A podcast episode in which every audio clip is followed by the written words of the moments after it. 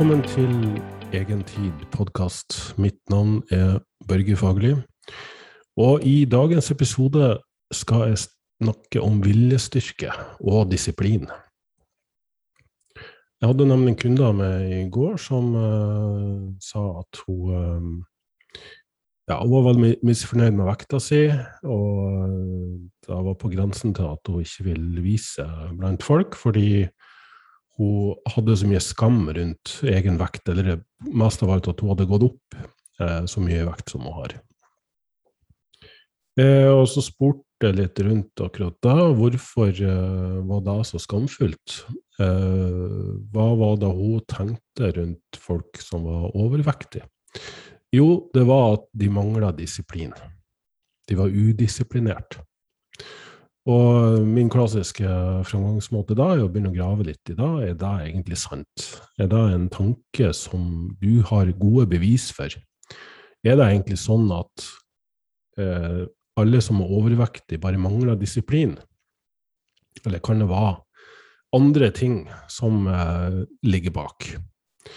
Eh, og det her går vel kanskje helt tilbake til det klassiske marshmallow-eksperimentet. Eh, for de som ikke har hørt om det, så var det et forsøk som ble gjort med, med barn eh, for mange år siden av amerikanske forskere. Eh, da fikk de satt en marshmallow på bordet, og så sa eh, han forskeren til det barnet at hvis du klarer å vente til jeg kommer tilbake, så skal du få to marshmallows. Og da var jo ikke bare da utfallet de var ute etter, å se hvem var det som spiste den marshmallowen, og hvem var det som klarte å vente for å få to. Men hva skjedde med de her barna senere i livet? Og da viste det at de som klarte å eh, vente til de fikk belønning senere, de hadde større suksess i livet sitt når de ble større, når de ble voksne. Men så er jo da spørsmålet handler det egentlig om disiplin. Var det da at de barna satt og stirra på den marshmallowen og bare bestemte seg for at nei, jeg skal ikke spise den? Det viste seg når du så litt nærmere på de barna som klarte å holde seg, at de fokuserte ikke på marshmallowen. Altså, de fokuserte på andre ting. De begynte å leke. De begynte å Eh, se seg rundt i rommet. De begynte å, å ja, kalle det distrahere seg sjøl, men i hvert fall å flytte oppmerksomheten til andre ting. Og det var clouet, da. Eh, mens de som ikke klarte å holde seg Du har faktisk sett video av Det var nok ikke fra fra det opprinnelige forsøket, men de gjenskapte det forsøket. Og de som da spiste marshmallowen før han forskeren kom tilbake i rommet, de satt og nistirra på den marshmallowen. Akkurat som de tenkte at det her var en sånn eh, kamp mellom marshmallowen og de, da. Eh, og da er det på en måte gjort. Da er det veldig vanskelig å, å stå imot. Og det er fordi viljestyrke det er ikke som en muskel egentlig som kan trenes opp. Uh, eller på mange måter er det en muskel fordi en muskel blir sliten. Disiplin og viljestyrke, selvkontroll, uh, kan bli slitent. Uh, men, men, for å si det sånn, det, man kan gjerne være veldig reduksjonistisk og peke på en enkel ting. For å si det sånn, da. Ja, um, grunnen til at du spiste den marshmallowen, det er pga. en uh, ubalanse eller en overproduksjon av nevrotransmittere i hjernen din. Det er dopamin, serotonin, som gjorde at du spiste den. Men så kan det jo være at du har en hormonell situasjon i kroppen din som gjør det mer eller mindre disponert for de nevrotransmitterne, sånn at du reagerer lettere eller Eh, eller ikke i det hele tatt, basert på det hormonelle nivået. Det er eh, sikkert eh, snakka rett i hjertet til mange kvinner der ute som vet åssen det er når de har PMS. Da er det vanskeligere å stå imot eh, sjokolade. Eh, men så kan det jo kanskje være noe i oppveksten din som har forma deg til å ta de valgene. Kanskje du eh, fikk belønning via godteri gjennom hele oppveksten, og dermed er det vanskeligere for deg i voksen alder å eh, stå imot når hormonene har disponert det for å respondere på de nevrotransmitterne. Eh, skal vi se på et litt høyere nivå, kanskje det er kulturen du har vokst opp i og som du lever i, som har gjort at sjokolade er mer attraktivt. Eller marshmallows, for, for den saks skyld. Nå er ikke marshmallows noe som er veldig sånn stort for oss nordmenn. Det er nok mer et amerikansk fenomen.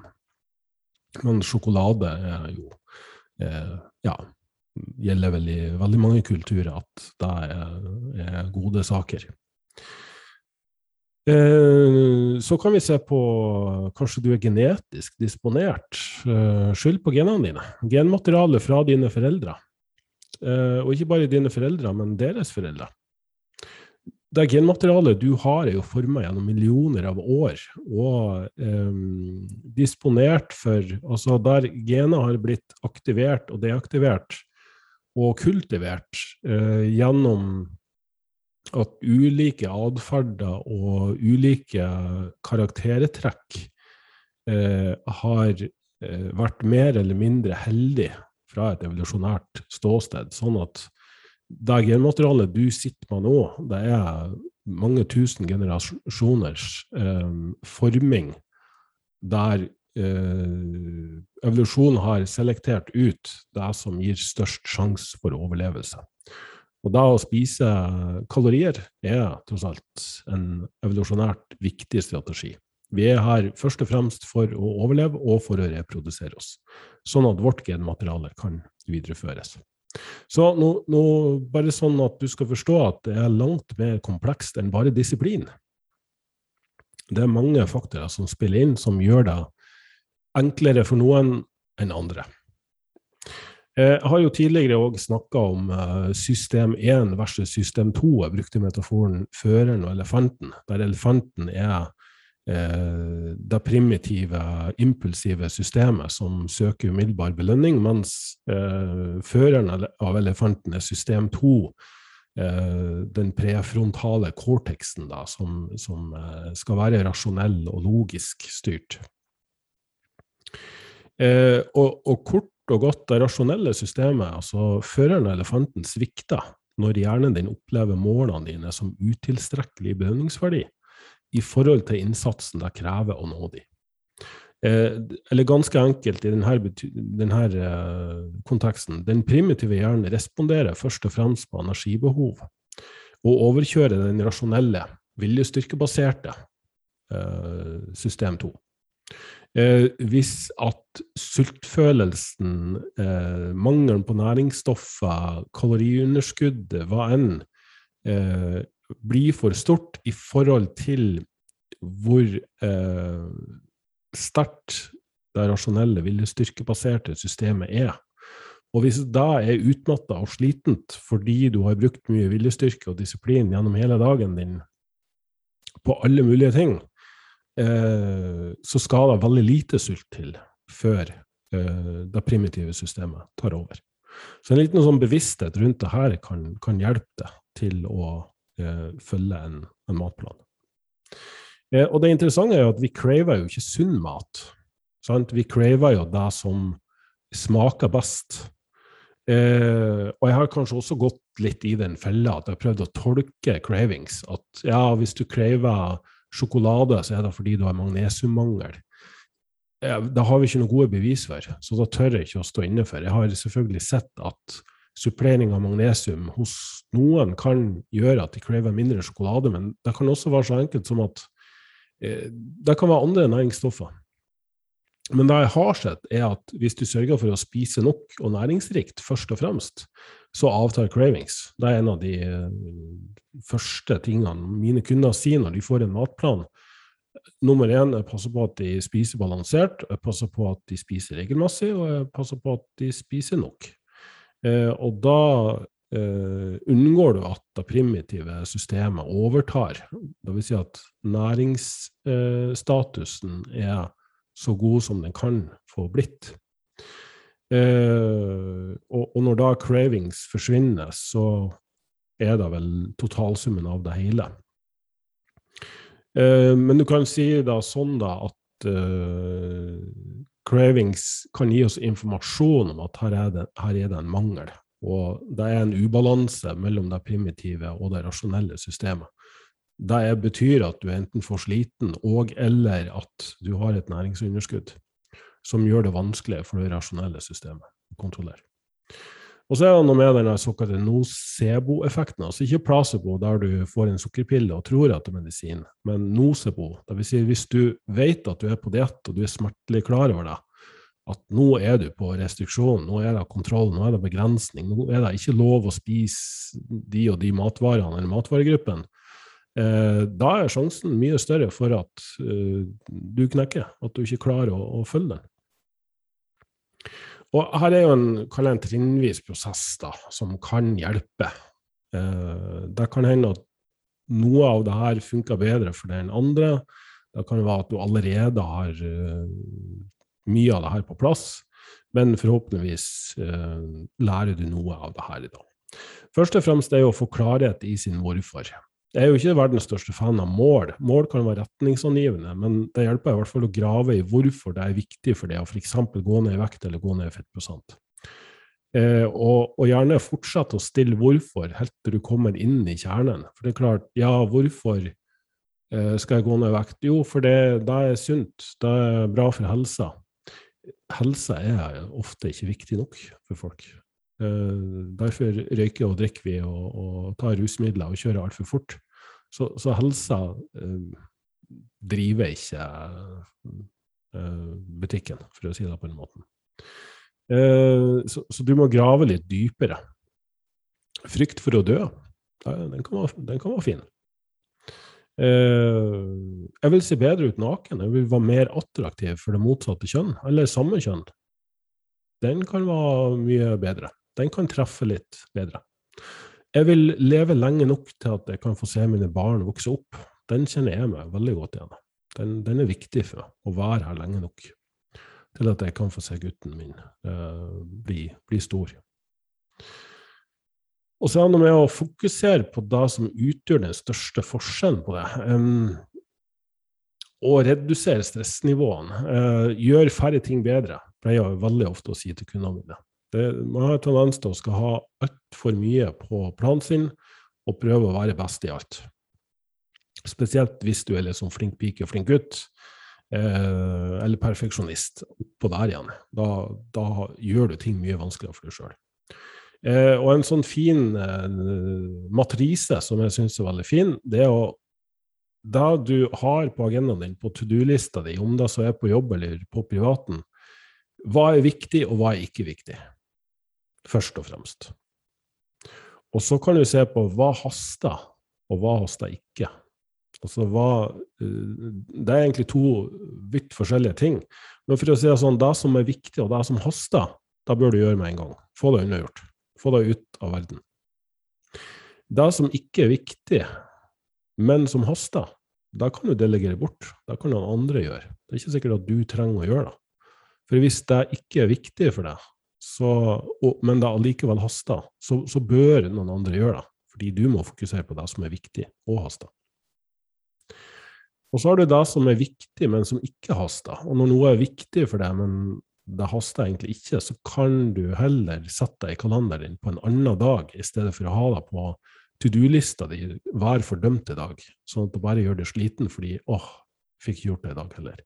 Sett deg da på en dag der du har mulighet til å gjøre det. Da er det åpning i kalenderen din. Og så har du jo den siste kategorien. Ikke viktig, og det haster ikke. Få deg bort, få deg ut, skjær deg bort. Det, det, er ikke noe du trenger å ha på noen lister i hele tatt, eller i bevisstheten din. Så kommer en sånn veldig åpenbar ting, og det er meditasjon og mindfulness. Eh, da kan vi jo sikkert snakke om en helt egen podkast. Eh, der jeg ser at meditasjon kan bli et problem, er at når det også står på to do-lista over noe du må gjøre, i stedet for noe du ønsker å gjøre. Eh, så da kan jeg oppfordre deg til å forsøke å bare gjøre det eh, kortere, uten å kreve veldig mye ritualer. Det finnes mange gode apper som Headspace, Calm Ja, det finnes flere. YouTube-videoer, gratis YouTube-videoer. Eh, du kan også ha en våken meditasjon eh, i stedet for å må sette inne på et mørkt rom og, og stenge lyset og, og tenne røkelsespinner og finne fram palestinaskjerfet.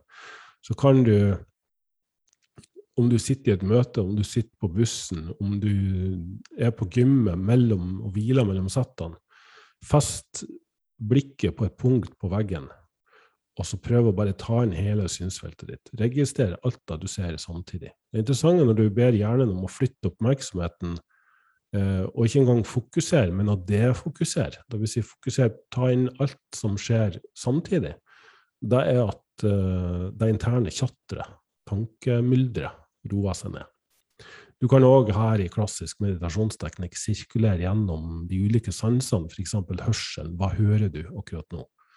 Sitt fremdeles og fast uh, blikket på da, punktet på veggen og registrerer alt du hører samtidig. Og Så kan du ta den og skanne gjennom kroppen, være bevisst pusten din. Der kan du gjøre så avansert og eh, enkelt som du vil. Eh, men, men, og det finnes flere trinn i akkurat den der, men, men du må ikke sette ned med lukka øyne og, og eh, ha uh, hendene i spesielle posisjoner og si ulike mantra for å meditere. Det er kun å lette sløret fra hjernen, lette tankekjøret i korte sekunder, korte øyeblikk. Eh, mindfulness også når du spiser, tilstedeværelse, fokus på maten, smaken, eh, sanseopplevelsen, kan hjelpe matthetsverdien faktisk av måltidet du spiser. Og selvfølgelig også være bevisst på det her mat du liker å spise, og som du føler det bra på. Eh, kanskje først og fremst mat du føler det bra på, ikke nødvendigvis bare mat du liker. Skal komme litt tilbake til det. Eh, neste punkt er jo søvn. Du vet jo at sover du dårlig, at du går og banker deg på brystet og er tøffesen fordi du klarer det på fem timer søvn, så bare bullshitter du deg sjøl. Altså, du gjør alt vanskeligere for deg sjøl. Du gjør disiplinen din mye dårligere. Og har du da en stressende jobb i tillegg, da er veien kort til godteriskåla og, og kaloririk mat som gir høy belønningseffekt. Eh, så få inn nok søvn. Vi ser også at det her tuller med hormonene, det tuller med humøret, tuller med fokuset ditt. Eh, det gjør at fettforbrenninga di kan bli opptil 50% dårligere med to timer søvnunderskudd gjennom en hel uke. Eh, så, så sørg for nok søvn. Så har vi den der jeg valg, valgte å kalle støttegruppeeffekten. Jeg husker for noen år tilbake, det var et kurs jeg gikk på, så var det ei som eh, veide noen kilo for mye. Og hun eh, oppretta ei Facebook-gruppe, Uh, veien mot uh, ja, et visst vekttall, veien ned i vekt. Og så inviterte hun uh, noen av oss fra kurset som hun hadde tillit til, som kunne ikke bare gi henne stryk på kinnet og klapp på hodet, men som kunne også være litt sånn ærlig med henne. Uh, brutalt ærlig. Tøff kjærlighet. Uh, og venner og bekjente, selvfølgelig, som hun vil ha med på den reisen her. Og så var hun veldig ærlig der. Hun var OK, i dag har jeg klart å følge matplanen, eller da sklei jeg ut med to biter sjokolade, eller jeg måtte på en venninnemiddag, og da jeg klarte ikke å holde med, osv. Og, og så fikk hun alt fra tøff love da, til uh, støtteerklæringer. Og ja, det her var en veldig fin greie for henne. Men, men det går jo også til noe som heter accountability. Da at du ikke bare sitter på deg alene, men at du deler det med andre, kan hjelpe deg i gjennomføringa. Fordi det har ikke kun med deg sjøl å gjøre, men det, er, det, har med andre å gjøre også. Eh, vær imidlertid forsiktig eh, at det ikke blir en sånn skamgreie. At uh, fordi du ikke hadde nok disiplin og viljestyrke, da var det stygge ord igjen, så tør du ikke å dele med den støttegruppa di, fordi, eller venninnene dine, eller hvem du nå enn har valgt å dele det her med, fordi uh, da får jo de se hvor mislykka du er. Det, det, virker helt mot sin ansikt. Poenget er å dele og være åpen, fordi det er det som hjelper deg til syvende og sist. Ref det jeg snakka om forrige gang også. Selvmedlidenhet versus eh, selvaksept. Eh, så lytt på den forrige episoden igjen hvis du eh, ikke husker hva da, eller har hørt det.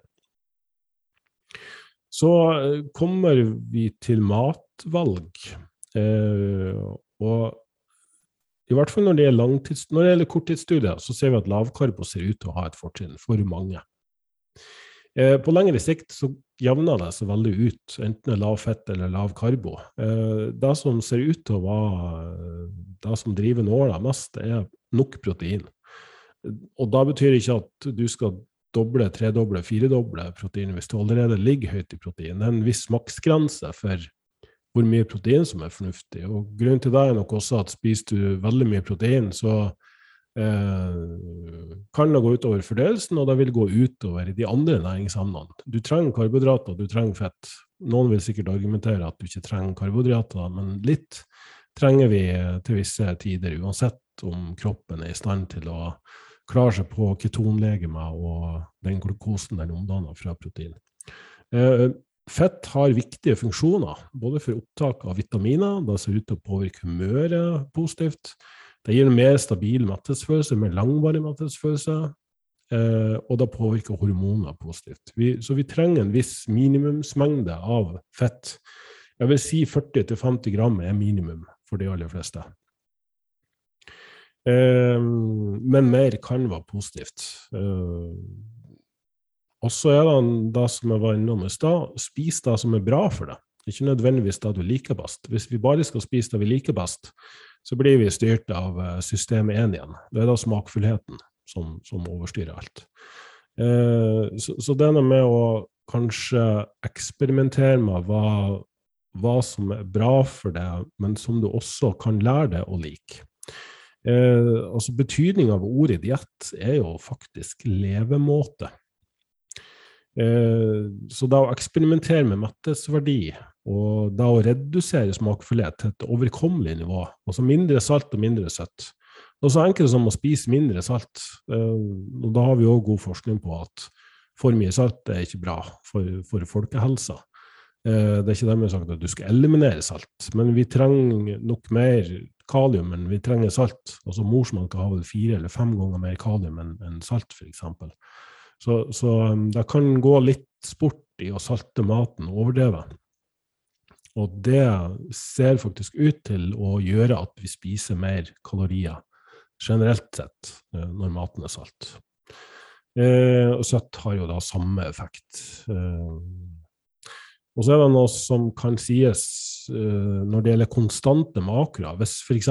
frokosten din er lavkarbo og lunsjen din er høykarbo, det at å svinge veldig i makroer kan ha noe å si. Jeg forsøker faktisk å etterstrebe en relativt lik fordeling mellom karbohydrater, protein og fett gjennom dagen. Kanskje litt ulike matvalg, kanskje litt mer fett uh, til visse måltid og litt mer karb til andre måltid. Kommer litt an på. Um, men, men det ser faktisk ut til å fungere bedre enn at det svinger veldig. Jeg har det også eksperimentert med, men min erfaring var at det fungerte ikke spesielt bra for de fleste.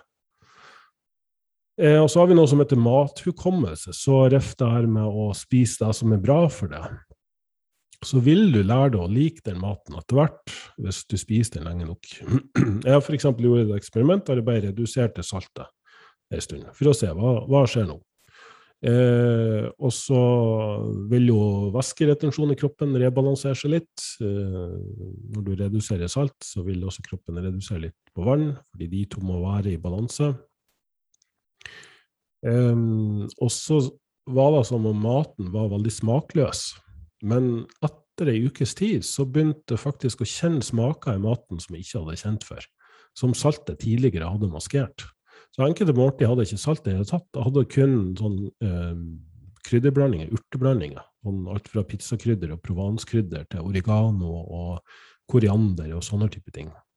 Eh, og, det var en ganske interessant opplevelse. Og nå er det faktisk sånn at nå liker jeg det bedre når det ikke er altfor salt. Eh, så, så, det gjelder også de som påstår at de er avhengige av alt fra cola til sjokolade.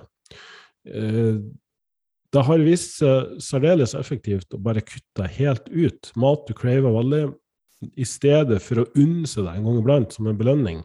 Hvis du i stedet prøver å kutte deg ut en hel måned, f.eks., sånn som en sukkerfri måned eller en ja, sjokoladefri måned, eh, vann, så vil du oppdage at du craver deg ikke like mye lenger. Så, så det her er en reell, en reell greie. Men så er det jo hva er bra for oss, og hva har vi å gå etter? Jeg har jo selvfølgelig kanskje litt bias der sjøl, litt meninger i ulike retninger, men jeg har jo etter hvert kommet fram til det at vi, vi eh, mennesker kan trives på å tolerere å spise alt. Dagens eh, retningslinje fra offentligheten eh, er basert på populasjonsstudier. Jeg har kanskje vært overdrevent kritisk til det tidligere, jeg begynner å se verdien av det nå. Kort sagt så gir du spørreskjema til folk, og så skal de fylle ut hva de spiser til daglig. De er ikke opptatt av mengder. Det er en svakhet, men samtidig blir det også vanskelig fordi folk er helt horrible på å estimere hvor mye de spiser. Og du kan ikke be eh, 100 000 mennesker om å veie all maten sin. Det er noen få eh, eh, ja, det er noen få mennesker som er som kan gjøre det i visse perioder. Så prøver vi da å se på trendene i det folk spiser, og så forekomsten av sykdommer, hjerte-kar-problemer, eh, kreft, ulike varianter av kreft, eh, levealder osv. Og, og så gå tilbake og se på hva er det de her menneskene har spist. Og igjen, vi er tilbake til genmaterialet har nok mye å si, kultur har mye å si, vi ser at visse befolkningsgrupper responderer bedre på mer av det ene og mindre av det andre osv. Så, videre. så Så her er fryktelig mange sånn faktorer in, involvert i det.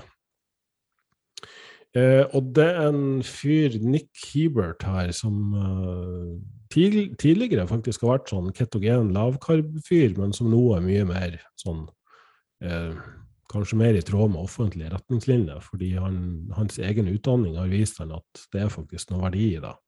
Jeg er tilbøyelig til å være med på den tankegangen, men han gjorde et eksperiment der som jeg bare syntes var litt morsomt. Han eh, gikk gjennom, uh, altså tok for seg de metastudiene av populasjonsbaserte studier. Hva er det sunneste kostholdet? Eh, først så tok han bare en sånn For eksempel, det som var eh, det han kaller 'overwhelmingly positive', altså det som absolutt alt av forskning sa var sunt og bra. Det var minst 200 gram frukt per dag eh, og minst 200 gram grønnsaker per dag. Interessant nok så flata kurvene veldig ut når du oversteg 200 gram frukt og 200 gram grønnsaker. Det vil si det var ikke så mye additive effekter av det. Eh, annen, ja, da vi skulle komme litt tilbake til næringstetthet etter hvert.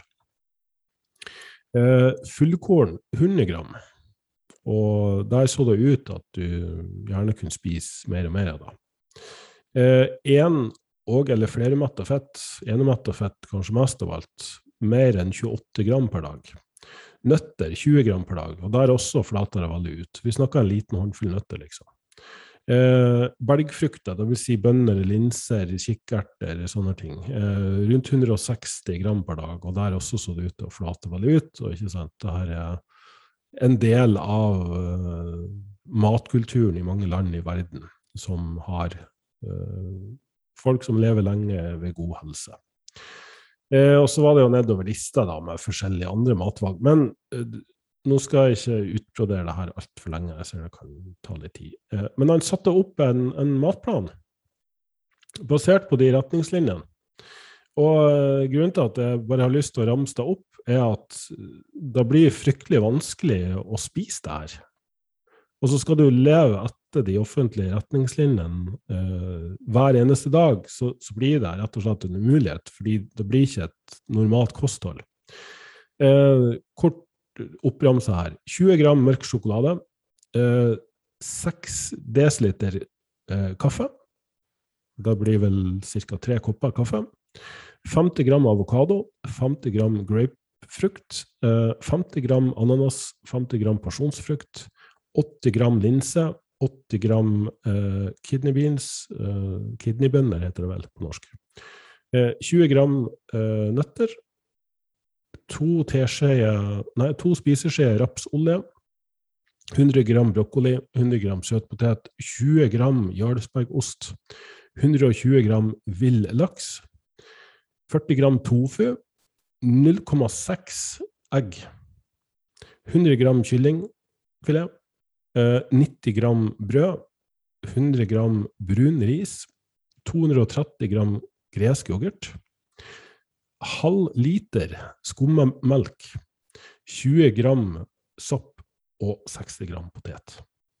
Så eh, si bare lykke til med å klare å spise det her. Eh, men, men, igjen, nå, nå, setter vi deg litt på spissen her. Poenget er at et, et, relativt variert kosthold som inkluderer de her matvarene i visse mengder, der du noen dager spiser mer av det ene og noen dager spiser av det andre, vil dekke alle basene. Så, så har jeg fremdeles en del fellestrekk i hva som kan sies å være sunt og usunt. Men igjen, som jeg sa, noe flater veldig ut over et visst inntak, og spise det dobbelte vil ikke gjøre det sunnere.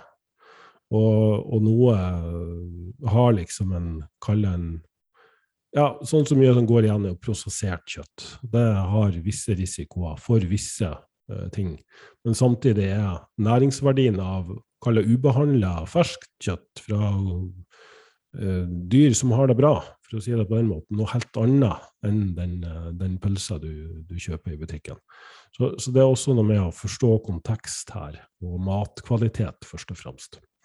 Eh, det her kunne jeg snakke om i evigheter, men jeg skal ikke utbrodere deg så fryktelig mye. Kan komme tilbake til deg i senere episoder.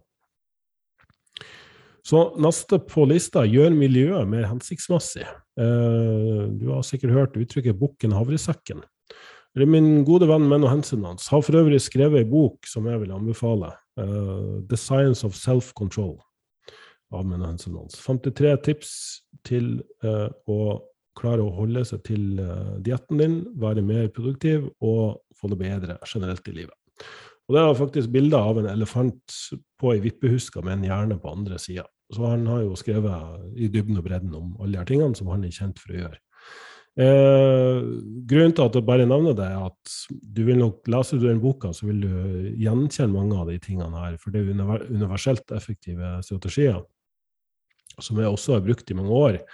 Eh, enn å går som vanlig grundig til verks. Men mest av alt syntes jeg det var et litt eh, morsomt uttrykk i den boka, og det var 'Don't bind bacon to a cat's back'. Eh, og det er den nederlandske versjonen av Bukken Havresekken. Eh, bare syns den var litt, litt interessant. Eh, og i prakt, mer praktiske termer så er det å gjøre så enkle ting som å ikke handle mat på tom mage. Den er klassisk. Drar du på butikken når du er veldig sulten, da havner det ting oppi den handlekurven som du helst ikke skulle hatt der. Eh, og da å ikke ha masse godteri i huset, da gjør du det òg vanskeligere for deg sjøl. Og det er litt sånn sette seg i godkroken eh, med rødvinsflasker allerede stående på bordet og en stor bolle med potetgull eller godteri. Da, da har du gjort det vanskeligere for deg sjøl. Da kan du faktisk ikke stole på viljestyrke noe mer. Eh, så, så, få det her ut av huset, eller har du tatt et valg om å spise det, så handler det inn kun det du skal spise, og ikke noe mer enn det. Det å lage en matplan og automatisere matvalg, eh, food prep, altså rett og slett forberede, eh, det er nok en grunn til at min coaching fungerer veldig bra. Det er at jeg setter opp en matplan med overkommelige måltider som ikke krever veldig lang tid å lage, og som tar ut den her eh, når, ja, nå er det frokost, hva skal jeg spise i dag? Hmm, står i kjøleskapet, aner ikke hvor du skal starte. Eh, da gjør det fryktelig vanskelig for deg sjøl. Og jeg vil også si at overdreven variasjon Ja, vi kan argumentere for næringsverdien og sunnhetsverdien av variasjon i, i, mat, men det er fremdeles sånn at du, du kan spise det samme til frokost ei uke, og så kan du kanskje spise noe annet til frokost andre uka. For da slipper du å tenke så mye. Eh, noen går så langt som å si at du skal ha tre T-skjorter i samme farge og tre bukser i samme farge, eller tre jeans og tre T-skjorter og litt ulike farger. Og så prøve å eh, forenkle garderoben din, sånn at du slipper å bruke så mye tid på å velge hva du skal ha på deg også. Mulig at det går litt for langt for enkelte. Og mange av dere kvinner som hører på, vil sikkert rive dere litt i håret av å høre sånne ting. Men eh, det er noe med å å slippe å måtte bruke så fryktelig mye tid og krefter på å tenke ut hva du skal spise. Da er det en matplan kan gjøre for deg. Og når ting går mer og mer på automatikk, da kan du begynne å variere og endre litt på det. Men si om du har frokost og lunsj ganske sånn fastsatt, da har du med deg matboks, eller da har du en, om du har en kjøleskapsgrøt eller en, en fast frokost som du bare liker å spise, og så kan middagen varieres. Men det er liksom tema over samme ingredienser. Sant? Fisk, kylling, kjøtt av noe slag, noen grønnsaker av noe slag, potet eller ris. Eh, krydder kan du variere litt. Avokado eller nøtter eller olivenolje eller Ja, sant. Altså, du, du har plutselig vanvittig mange forskjellige retter med bare litt variasjon i ingrediensene. Eh, og da trenger heller ikke å kreve veldig mye tank tankegang. Så er det når du skal ut og spise, eller du skal på en tilstelning eller fest, ikke ta med deg matboks. Vær så snill. Ikke vær den. Ikke vær han eller hun som gjør det. Eh, sjekk menyen dit du skal, hvis du vet hvor dere skal hen. Eh, bestem deg på forhånd om du skal spise kakestykke eller ta en drink, og hvor mye. For når du det er noe som heter altså affektiv framsynthet. Du er elendig på å forutse hvordan du vil føle når du først kommer deg dit. Og hvis det her er en sosial tilstelning der du må forholde deg til masse folk, jeg sjøl er relativt introvert, vil jeg si, og, og, kan bli litt sliten av store folkemengder og sosial eh, småprat um, Og hvis det da byr seg muligheter for um, ting som har høy belønningsverdi, så, så, har jeg straks gjort det vanskeligere for meg sjøl. Men hvis jeg på forhånd har bestemt meg for ok, jeg skal spise kaka og jeg skal ta den drinken, så, så trenger det ikke å bli to. sant? Eh, en annen ting er når maten først kommer på bordet, så kan du faktisk spise. Du må ikke ta en bit av hver ting på fatet. Eh, det er mulig å Ja, mulig noen følger med og får med seg det her og begynner å irritere deg eller eh, kommentere. Men la de nå spise maten på sin måte. Hvis vi skal gå så langt, så har vi altså litt for lite viktig i livet vårt. Eh, spiste mat på det mest proteinrike først, nettopp fordi det ser ut til å være en sånn, det som flytter nåla mest. Deretter grønnsakene, nettopp fordi de har lavere energi. altså Per 100 gram så er det minst kalorier i grønnsaker. Så enkelt er det. Helsemessig så er det ikke noe gevinst av å spise veldig mye grønnsaker. Men det er det her med mettelsesverdi som gjør at noen kanskje fyller på i overkant mye. Men proteinene og grønnsakene først, så har du på en måte dekka basene ganske mye, og så har vi liksom resten, da. Da er det det som er mest smakfullt. Og da er det karbohydratillene, da er det poteten og risen og det som måtte være av tilbehør. Og så er det selvfølgelig, når desserten kommer på bordet, og du endrer smak, så er det en fordel at du faktisk har spist det greit mat først. Da vil du spise mindre, sjøl om det å bytte smak Ja, den klassiske dessertmagen kjenner jeg veldig mange til. Eh, skal vi se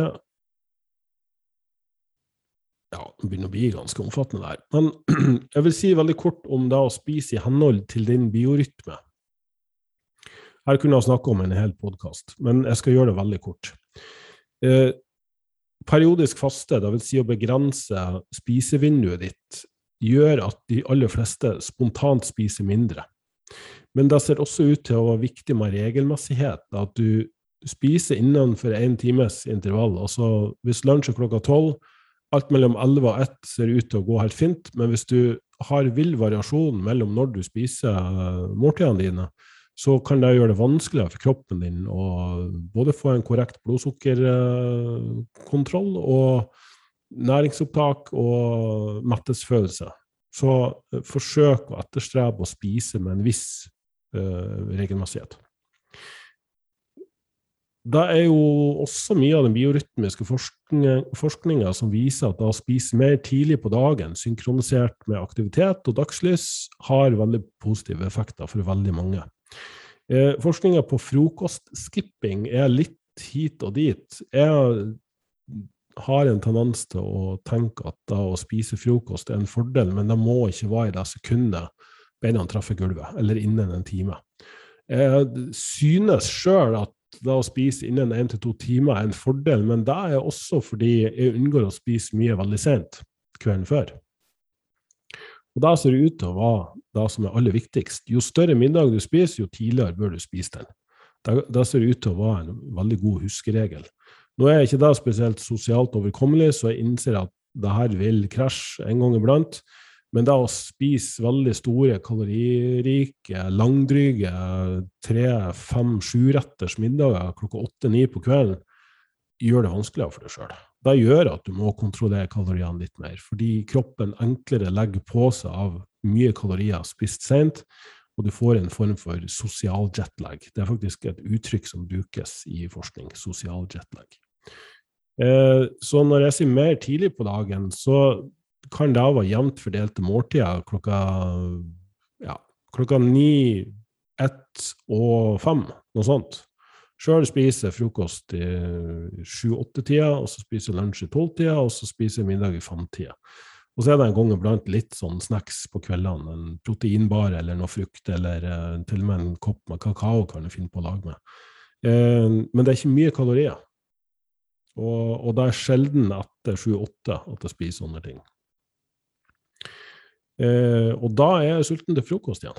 Så er du ikke sulten til frokost, er det sannsynligvis fordi du er blitt vant til å spise veldig mye veldig sent. Og grunnen til at det her er en fordel å spise mer tidlig på dagen, er fordi du automatisk, spontant, vil ha mindre matlyst senere på dagen, og du vil ikke crave like mye. Det vil ikke være like fristende å stupe med nesa først i godteriskåla når du kommer inn døra hjemme, fordi du er så utmatta og sliten. Så, så ja, se bort fra det rent biorytmiske, tekniske, vitenskapelige så gjør du det enklere for deg sjøl hvis du er velernært når du skal spise middag, eller kveldsmat, for den saks skyld. Så til slutt, ikke forsøk å være en robot og straffe deg sjøl når ting ikke går som planlagt. Eh, det, det er noe med at det her har du valgt sjøl, og, og, og, kom deg bort fra alt eller ingenting. Ja, det her har du ikke lov til. Det, det, der, det her med restriksjonen slår ditt feil. Eh, restriktive dietter, dvs. Si kaloriunderskudd, kan virke veldig motiverende på kort sikt fordi man går raskere ned i vekt, og da kan ha masse helsefordeler. Men denne svart-hvitt-malinga av sunt usunt, eh, straff, belønning eh, Ja, diett, ikke diett, virker dårlig på, på, lengre sikt. Så har du spist noe utenfor planen, eller som du ikke hadde tenkt, eh, så var litt fleksibel på det. Uh, ja, ref. forrige episode. Selvaksept. Dette var ikke så nyttig, men hvis du i stedet kanskje begynner å se kalorier som et budsjett som du kan disponere som du vil, da vil det være gode investeringer å velge mat som er bra for deg. Og så kan du ha en liten porsjon som du bare gambler bort og spiller lotto med. Eh, og så ref det med næringstetthet. Eh, noe så enkelt som altså si, si en 200-gramsporsjon med fisk, kylling eller karbonadedeig. 150-250 kalorier. Velger du kjøttdeigen i stedet, dobbelt så mye, 400 kalorier, i samme mengde kjøttdeig. Og du blir sannsynligvis ikke veldig mye mer mett. Mulig at fettet gjør at du holder mett lengre, eh, når du sammenligner torsk, i hvert fall, med kjøttdeig. Men, men, det er også over dobbelt så mye kalorier, så det skulle kanskje bare mangle. Du kunne i utgangspunktet faktisk spist mer torsk og ja, hatt på litt uh, litt baconbiter eller et eller annet sånn smakfullt, og fått uh, mer, mer uh, verdi av den. Men når du ser kalorier som et budsjett som du har valgt på en bestemt måte, så tar du først de gode valgene, og så har du en liten pott som du kan disponere på ting som kanskje ikke faller inn under paraplyen sunn, avhengig av hvilken ekspert du hører på, eller hvilken retningslinje du følger. Jeg har jo min mening om, om sånne ting, da. Eh, men, men, alt handler tross alt om mengder. Sjokolade setter faktisk på matplanen til de aller fleste. 10-20 gram mørk sjokolade hver dag. Og det er ingen som craver sjokolade, interessant nok. Det er faktisk veldig få jeg har hørt om som bare måtte spise to biter til. Eh, fordi matplanen er eh, balansert og, og, og, næringsrik, og ikke altfor lavt på kalorier. Og så er det en eh, evige spørsmål om cheat meals. Der du er flink hele uka, og så tar det helt av i helgen. Fungerer svært dårlig, dessverre. Så tenk igjen på budsjett. Hva ønsker du å ha i dietten din? Vil du, vil du, spise pizza? Ja, men da kan du spise pizza. Vi spiser pizza hver lørdag, men det er så å si akkurat like mye kalorier som en vanlig middag er for oss. Vi har en surdeigsbunn, vi bruker karbonadedeig, vi bruker en lettere ost. Øh, ja. Og rett og slett bare spiser oss passe mat, og passer på den dagen at vi, vi spiser de vanlige måltidene. Det, det, kan ikke bli for mye. Og om det blir tre eller fire 500 kalorier for mye den ene dagen, så spiller ikke det noen rolle i det lange løp. Så, så, litt mer fleksibilitet tror jeg er bedre for de aller fleste enn alt eller ingenting, og at du heller aksepterer at ting ikke alltid kan gå som planlagt. Livet møter det optimale stadig vekk, men gjør så godt du kan. Og ikke tro at alt handler om disiplin. Takk for at du hørte på, og håper du eh, fortsetter å følge denne podkasten og gi meg noen gode tilbakemeldinger, sånn at uh, jeg vet at du setter pris på det du hører. Og gjerne send meg uh, en mail òg på coach.børgefaglig.no, eller gå inn på min hjemmeside og bruk kontaktskjema der, borgefaglig.no. Hvis du har noe du lurer på, ting du ønsker jeg skal snakke om, tema du syns er interessant. Tusen takk for meg, og ha en fortsatt strålende dag.